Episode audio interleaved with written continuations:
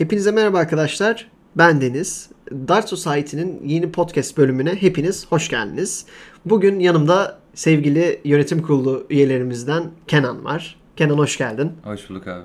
Kenan bu yaz Almanya'daydı. Bugün onun biraz tecrübelerinden bahsedeceğiz. Neler yaşadı, ne yaptı, nasıl gitti gibi soruları kendisine yöneltiyor olacağım.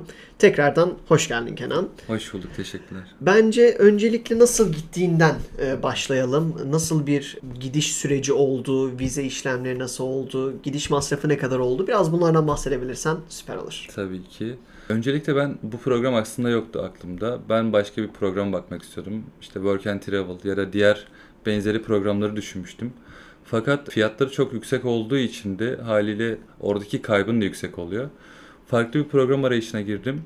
Orada da bu gittim programı buldum. Program kısaca şu, size Almanya'da e, yaz boyunca çalışmanıza olanak sağlıyor. Asıl mentalitesi de şu, insanlar orada yazın tatile gittikleri için bu işi açını kapatmak için öğrencilerden oluşan işçi arkadaşlar oraya gidiyorlar ve çalışıyorlar. Programın fiyatı yaklaşık 450 euroydu. Diğer work and travel ya da benzerlerinde 3-4 bin eurolar konuşulurken burada böyle daha cüzi denilebilecek bir rakam vardı.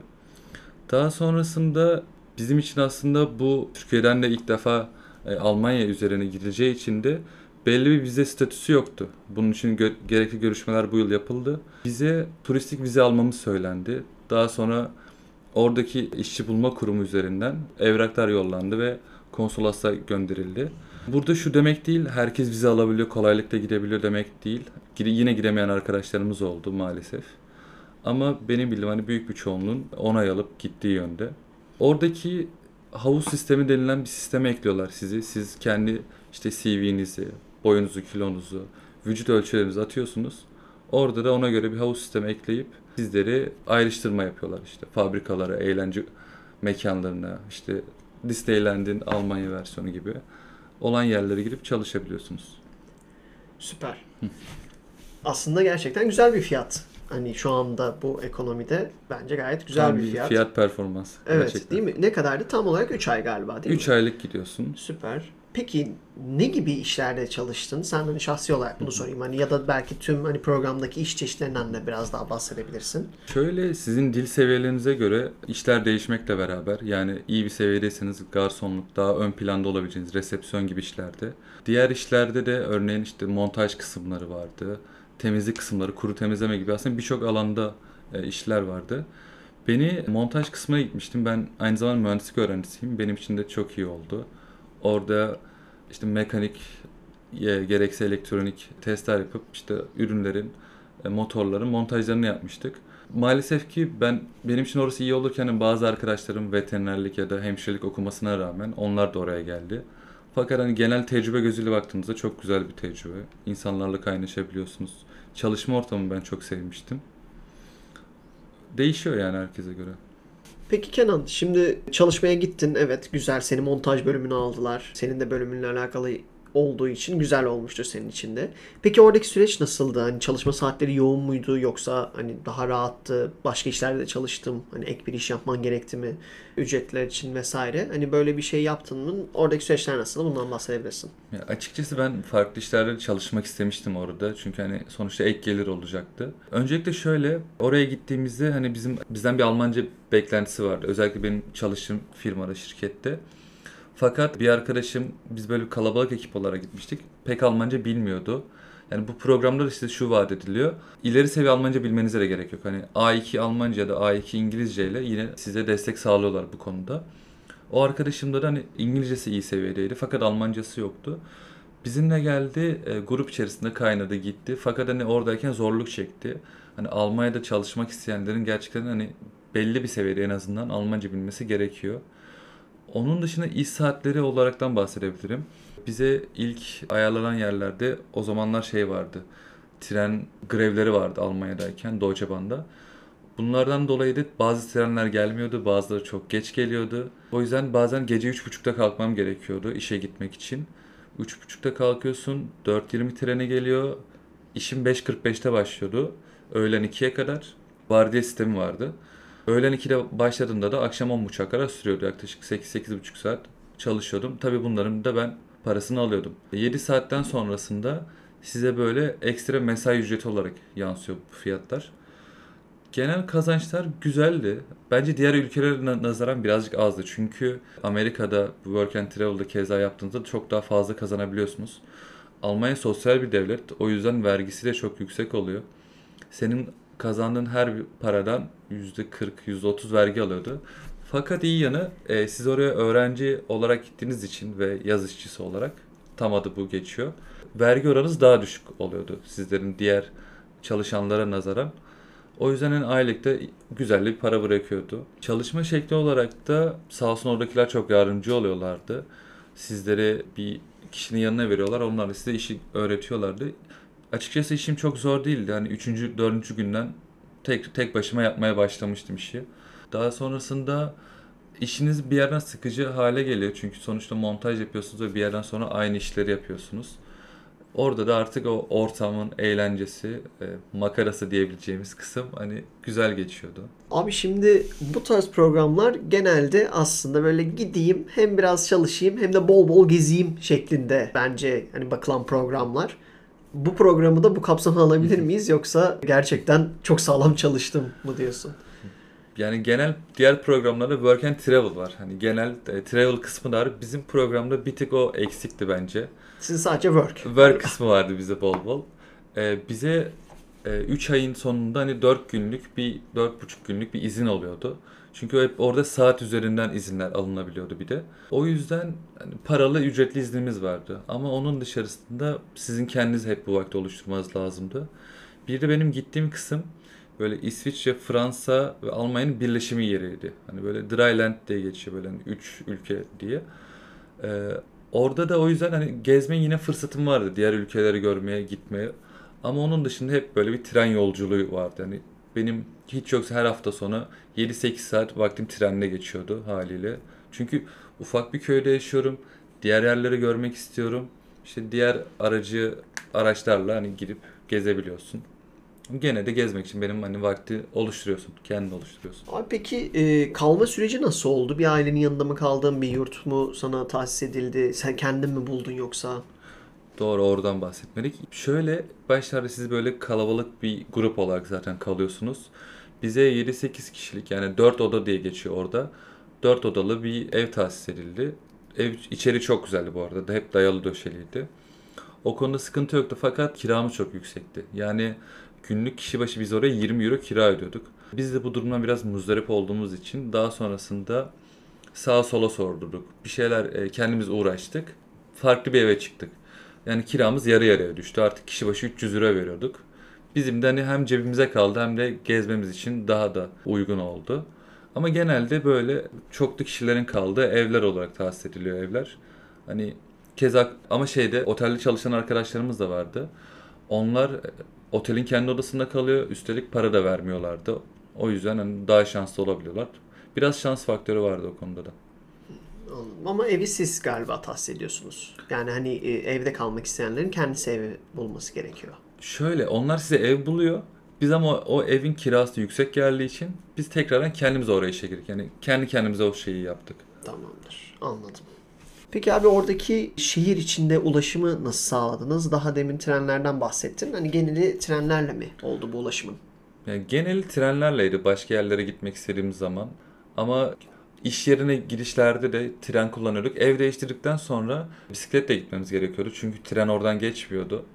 Her gün bisikletle gidip geliyorduk. Yaklaşık ama bir, bir buçuk ay sonrasında bize şirket araba tahsis etti. O da güzeldi. Bir aya yakın arabaya binebildik. Ee, orada ehliyetleriniz 6 ay kadar geçerli oluyor. Buradaki ehliyetiniz varsa.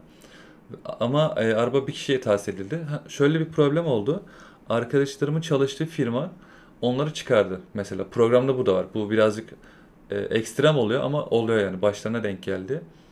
Firma yazın taşeron bütün işlerini çıkardı. Hani sadece Türk, Ukraynalı değil. Herkesi çıkardı orada direkt. Sadece kendi ana e, çalışanları böyle, ana az kadrodakiler kaldı. E, bu geldiğimiz firma onlara hemen başka bir iş buldu. Örneğin Karlsruhe'ye gittiler onlar mesela. Bankacılık işine gitmişlerdi. Burada da şu problem var. Araba onun üzerine kayıtlı olduğu için araba da onunla gitti. O yüzden biz son iki hafta yine hani bisikletle gidip gelmemiz gerekti. Öyle iş değiştirmeler de oluyor. Yani bir işten atıldığınız zaman e, firma size tekrardan iş bulmak için zorluyor. Bulursa oluyor, bulamazsa dönüyorsunuz. Mesela yine bir arkadaşım vardı. Kız her gün geç kalıyor işe. Yani işe 10 dakika geç geliyor, 10 dakika erken gidiyordu. Yani çok da büyük bir süre kaybı değil aslında. Böyle bir 10 günlük süreçte olduğu için mesela iş festine son verildi ve Türkiye'ye döndü. Maalesef. Hani ona yine iş bulmak için çabalandı ama ama olmadı. Peki iş arabası Egea mıydı Kenan? Abi Octavia'ydı. Büyük Octavia. modeli. Evet şaşırtmadı. Şimdi tamam çalıştık ettik güzel arabalar tahsis edildi falan ama e, şimdi gece hayatı olarak sence Almanya nasıl? Sıkıcı mı yoksa İstanbul'a kıyasladığın zaman orada nasıl bir durum var? Öncelikle İstanbul'a kıyasla kötü. Bu bir gerçek yani. Bunu ben de beklemiyordum. Ama İstanbul'a kıyasla kötü çünkü İstanbul gerçekten yaşayan bir şehir. 7-24 ayakta sürekli. Almanya'da genel o yok. E, hafta işleri zaten ölü bir şehir. Ölü bir ülke komple. Benim hem kaldığım yerde hem de büyük şehirlere de gidip görme fırsatı yaşadım hafta içi ve hafta sonlarında. Abi hafta içleri 7-8 dendi mi kepenkler indirilir, şehir ölür. Direkt e, yani buraya kıyasla çok çok daha az bir insanlar böyle. Ve büyük şehirlerde böyle hani birkaç kafede insanları görebilirsiniz. Onun dışarısında, onun dışında her yer kapalıdır. Ama gece hayatı olarak da ya genel Almanlarda ben şunu e, gözlemledim. Haftada 5 gün çalışıyorsun. Cuma akşamı partile, cumartesi akşamı partile, pazar günü dinlen. Ben genel olarak bunu gördüm. Çok fazla tekno seven var. Çok fazla rave böyle hard müzik sevenleri de var. Genel e, böyle sokakta dans eden insanlar var. Şarkılarını açıyorlar. Gençler böyle sürekli ve çok özen gösteriyorlar buna bu arada. Bayağı insanlar kostümler giyiniyor. Yani buradaki kıyasla mesela bir yere giderken biraz daha rahat olayım, e, şık olayım diye bakarsan orada direkt hani şıklık ön planda. O yüzden e, o konuda hani Almanya'da da gece hayatı yoğun ve güzel. Giderler konusunda nasıl bir dağılım söz konusuydu? Yani oradaki market fiyatları burayla kıyaslandığı zaman nasıldı? Hani cidden böyle oraya gittiğimiz zaman her şey çok ucuz ya hayat pahalılığı yok falan denilecek derecede bir şey var mıydı cidden? Ya maalesef bunu gider gitmez tecrübe ettim. Direkt havalimanında indik sonra bir markete gittik. Çünkü biz cumartesi gitmiştik ve pazar günü her yer kapalı olduğu için cumartesi alışverişimizi yapmamız gerekiyordu. Ee, orada her bir sentin bu virgülden sonraki kısmının da bir değeri olduğunu orada gerçekten gördüm. Bu üzücü bir şeydi ve çok da şaşırtıcıydı. Hiç unutmuyorum böyle ilk alışverişimiz arabayı doldurduk ve 50 euro tutmuştu bizim için. 3 kişilik yapmıştık. Bu hani bize kaç gün yeter diye düşündüğünde böyle 5 gün, 6 günü rahatlıkla çıkartabilecek bir şeydi. Günde 2-3 öğünden. O yönden iyiydi. O beni çok e, şaşırtmıştı. Ne kadar fiyatların iyi olduğunu görsek de ilk başlarda biz çok korkarak alışveriş yapıyorduk haliyle. Çünkü orada euro harcıyorsun ve her şeyi böyle sürekli çeviriyorduk. Daha sonra işte çalışıp ilk maaşlarımızı almaya başladıktan sonra bu korkumuz da hemen yenik düştü ve gitti. Şöyle ki ortalama orada saatlik 13-14 euro civarında kazanıyorsun. Bu, o da şuna tekabül ediyor. Senin orada bir saatlik çalışmanla gerçekten bir günlük şeyini e, karşılayabiliyorsun. Çünkü yarım kilo tavuk aldığın zaman bu 5 euro civarında ki bazen günlük indirimler yakalıyorsun. Daha ucuza ben hani 4 euroya yarım kilo et aldığımı biliyorum. Bu indirim yakaladım ben. Normal fiyatları da benzer zaten etle tavuğun. Orada hani böyle 1-2 saat çalışarak gerçekten 1-2 gününü çok rahatlıkla çıkartabiliyorsun. Benim genel aylık market alışverişim 250 euro, 200 euro civarındaydı ve hani iyi yediğim zamanlarda oluyordu hep böylesinde. Ben bazen tercih etmiyorum. Çok ürünün bozulup attığını da biliyorum. Çünkü ilk başta oraya gittiğinizde hava değişimi olduğu için yeme alışkanlığınız, uyku düzeniniz de bozuluyor çok fazla. Ben mesela gittim 5 kilo verdim de geldim. Bu tamamen benim e, vücudumun verdiği tepki olaraktı. Ama genel olarak bence gayet iyiydi. Peki Kenan, e, şimdi genel olarak düşündüğümüz zaman, bir bütün olarak düşündüğümüz zaman e, sence bu programa bir üniversite öğrencisi katılmalı mı? Bir yaz boyunca burada bu programda aslında hem çalışmak için hem de gezip görmek için sence güzel bir program mı bu? Bunu tavsiye eder misin sen? Bence kesinlikle katılması gerekiyor. Çünkü benim mesela ilk yurt dışı deneyimimdi ve ben oraya gittikten sonra başka ülkelere de gitme fırsatı bulmuştum.